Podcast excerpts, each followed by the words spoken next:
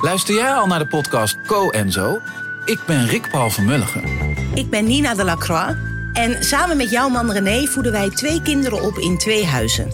Co-ouderschap. We hebben het over alles wat je daarin tegenkomt.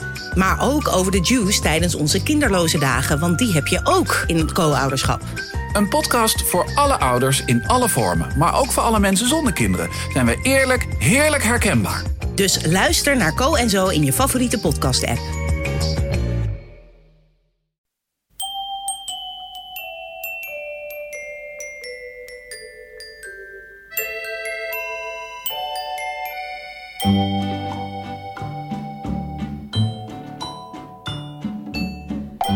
Bij aflevering 189 van de Echt Gebeurd podcast, waarin waargebeurde verhalen worden verteld door de mensen die ze zelf hebben meegemaakt. Maar af en toe leest er ook iemand voor uit het dagboek dat hij of zij bijhield als puber. In deze aflevering het puberdagboek van Geesje Thomassen, opgenomen tijdens het Echt Gebeurd gala in de Kleine Comedie.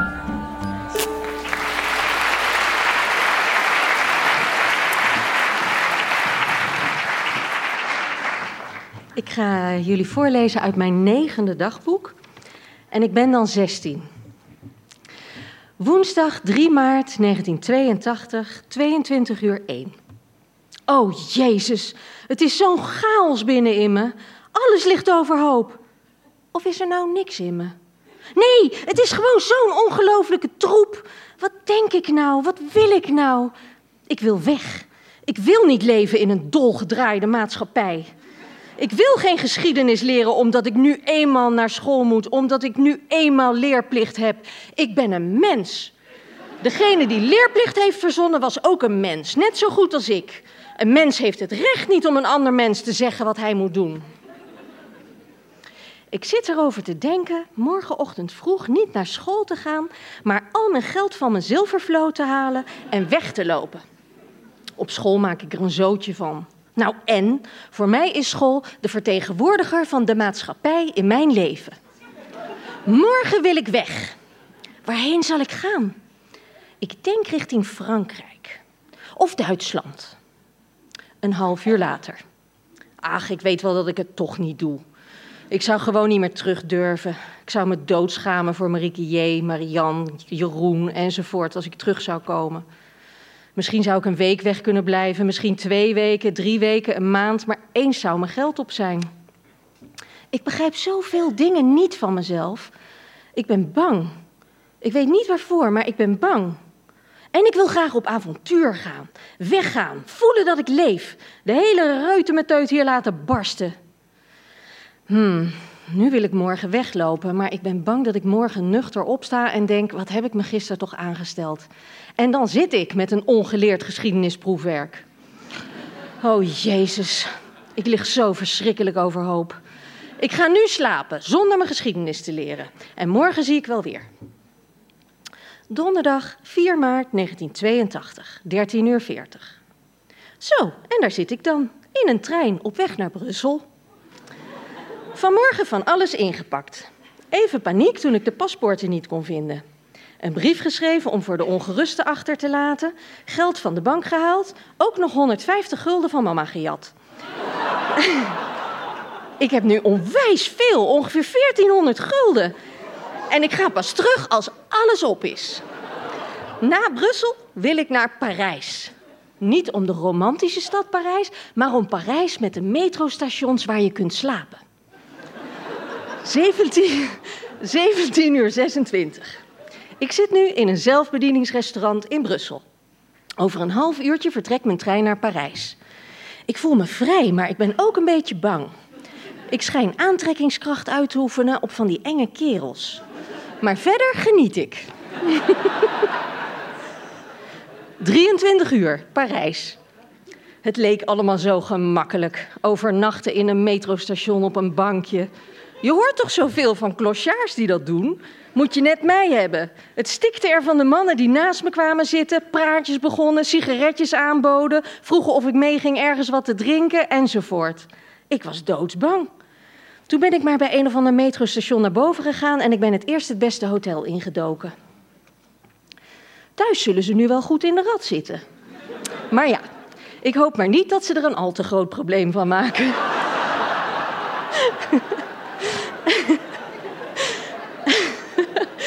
Papa zal wel kwaad zijn. Die bekijkt het altijd zo lekker nuchter en zegt gewoon dat ik nu maar eens op moet houden met dat zielige gedoe. Vrijdag 5 maart 1982, 10 uur 35. J'aime Paris. Et ici, j'aime la vie. Ik zit nu boven de Seine op een brug uit te rusten van mijn wandeling van ruim een uur. Dat is nog heel wat met die zware tassen. Nu ga ik via het Louvre naar de Champs-Élysées en dan zie ik wel weer. Ik geniet. Ik heb net zeven kaarten op de bus gedaan. Mama en papa, Wieger, Aster, Marieke P., Marianne, Marieke J. en Mariette. 21 uur 45. En wat dacht je hiervan? Geesje Thomassen brengt de nacht van 5 op 6 maart door op een toilet. Lekker goedkoop. 1 frank, zo'n apparaat op de deur. Maar niet bepaald comfortabel natuurlijk. Grote vraag dus, waarom gaat Geesje Thomassen met haar honderden guldens dan niet naar een hotel? Antwoord is doodsimpel, ik durf niet. Het is kwart voor tien, alleen nog maar van die enge kerels op straat en ik zag nergens een hotel. Tot overmaat van ramp barstte ik uit mijn spijkerbroek toen ik snel snel onder een hekje doorkroop. Toen zag ik een groot overdekt winkelcomplex en in de hoop op toiletten om een andere broek aan te trekken, ging ik daarheen. En nu ik er eenmaal zit, durf ik niet meer weg. Zeer lachwekkend natuurlijk en ik kan ook niet zeggen dat ik hier zit met het idee van kommer en ellende. Met je hele hebben en houden op een Parijse wc is toch ook iets wat je eens meegemaakt moet hebben? en ik heb genoeg te doen. Krantje lezen, broek naaien, slapen, boekje lezen enzovoort. Zaterdag 6 maart 1982, 8 uur 13. Het is allemaal nog wel een beetje anders verlopen dan ik gedacht had. Ik zat daar dus op die wc half te slapen toen ik ineens dacht: oh jee, straks komen ze schoonmaken hier en dan vinden ze mij. Ik ging daar dus weg met de metro naar het Gare de Lyon. Op het bord van de vertrektijden stond dat het station om half twee dicht ging. Nu schrok ik me echt wild. Ik heb nooit geweten dat stations s'nachts sluiten. Ik bedoel, er bestaan toch zeker nachttreinen? Nu moest ik dus snel handelen. Er gingen nog twee treinen. Eén om 0 uur 23 naar een plaats waar ik nog nooit van gehoord had. En één om 0 uur 16 naar Gap. En na eventjes koortsachtig nadenken wist ik dat dat redelijk zuidelijk lag, nog in Frankrijk. We zijn daar een keer geweest in de zomervakantie. Het was al 0 uur 7. Ik dus rennen naar de balie. Daar werd me verteld dat ik maar aan de controleur moest gaan vragen of er nog plaats was. Godzijdank was er nog plaats. De controleur zei dat ik maar de trein in moest gaan en dat hij wel bij me zou komen. Nou, dat heeft hij inderdaad gedaan. Zeer uitvoerig werd de prijs berekend. Hij vertelde me dat hij niet het normale tarief had berekend, maar iets goedkopers. En toen wilde hij een zoen, de vuile, vieze goorlap. Hij had nog wel een baard en hij stonk uit zijn mond. Wel een kwartier is hij om zijn zoen blijven bedelen, die hij natuurlijk niet gekregen heeft. Oh, wat walgde ik van hem, de vuile profiteur. Ik was doodsbang en dolblij toen hij wegging. Ik kom nu in Gap aan, ik stop. 14 uur 35. Vanavond is er een kwikfeest. Marieke P. gaat. Marieke J. en Marianne gaan niet. Mariette wist nog niet of ze zou gaan. Jeroen gaat wel. Ik zou ook wel willen. Weet je, ik ben best wel bang dat ik een beetje vervreemd van de anderen. Ze zullen niet begrijpen waarom ik weggelopen ben. Oh, ik moet niet vergeten het theelepeltje mee te jatten waar ik net mee geroerd heb. Want ik heb vanmorgen wel lekker enthousiast drie yoghurtjes gekocht. Maar het enige bestek wat ik bij me heb is een mes. Maandag 8 maart 1982, 10 uur 39. Gisteren heb ik mijn dag doorgebracht met wandelen, ontdekken dat hier een heleboel winkels op zondag open zijn, een Frans tijdschrift lezen, de stad verkennen en mijn oude dagboeken lezen. Ik moet in ieder geval, voor ik naar huis ga, al mijn dagboeken tot nu toe gelezen hebben. Speciaal daarvoor heb ik ze allemaal meegesjouwd. Ook wel omdat ik bang was dat ze ze thuis zouden gaan lezen. Ik hoop namelijk op die manier mezelf beter te leren begrijpen. Dinsdag 9 maart 1982, 6 uur 13.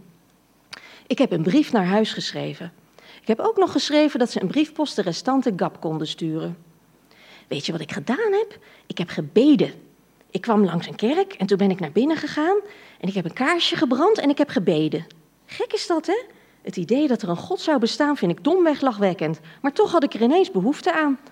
Ik heb gebeden om kracht en doorzettingsvermogen. Woensdag 10 maart 1982, 15.50 uur. Ik heb net gezwommen en ik ben nu doodmoe. Mijn goede eetgewoontes zijn alweer volledig verdwenen. Ik snoep alleen nog maar. Vrijdag 12 maart 1982, 10 uur 16. Ik heb zin om hier weg te gaan. Ik ken Gap nu op mijn duimpje. Het centrum heb ik al 80 keer doorkruist. Ik wil nu wel weer eens wat anders zien. Het klotige is dat ik postrestante Gap als adres voor papa en mama heb gegeven. En waarschijnlijk sturen ze wel een brief. 15 uur 36. Jeroen, Jeroen, Jeroen, Jeroen, Jeroen, Jeroen. Ik zal het inkorten, het staat er 93 keer. en dan, lieve Jeroen, ik hou van je. 17 uur 3. Klote zooi. Ik vertel mezelf wel steeds dat ik het leuk vind hier. Dat ik ervan geniet om precies te kunnen doen wat ik wil. Maar ik voel me eigenlijk alleen maar ontzettend eenzaam. Ik ging weg onder het motto: ik wil nu wel eens een tijdje echt leven. Maar ik had geen gelijk. Het leven gaat nu juist aan me voorbij. Als ik op een bankje zit, kan ik zo ontzettend jaloers zijn op al die mensen die ergens naartoe gaan, die een doel hebben. Zodra ik de brief van thuis heb, ga ik terug. 17 uur 18. Wat doe ik hier in Jezus' naam? Ik wil naar huis, naar school, naar Jeroen, ook al is hij niet op me. Naar Marieke en Marieke en Mariette en Marian en Jantje en Marcel en iedereen. Naar mijn huiswerk, naar mijn kamer, zelfs naar mijn taken. Ik wil weer iemand zijn. 17 uur 30. Ik weet het nu zeker. Ik ga niet wachten op die brief van thuis. Ik ga nu zo snel mogelijk terug. 18 uur. Oh jezus, wat heerlijk. Ik heb al een kaartje voor Parijs. Om half tien gaat hij en dan ben ik morgenochtend vroeg op het Gare de Lyon. Ik zit hier gewoon midden op het station te huilen. Ik wil zo graag weer naar huis, naar papa en mama. Zondag 13 maart 1982, 16 uur 42. Negen dagen geleden zat ik aan het tafeltje hiernaast. Met andere woorden, ik zit weer in het zelfbedieningsrestaurant in het station van Brussel. Ik heb net mijn eerste warme maaltijd sinds dagen gegeten: kip en patat. Ineens wil ik niet meer naar huis. Verklaringen geven, praten, te horen krijgen dat weglopen toch niets oplost. Ik weet zeker dat papa dat gaat zeggen. En iedereen vertellen dat ik er weer ben. Maar nu moet ik maar even door de zure appel heen bijten. Vanavond ben ik thuis.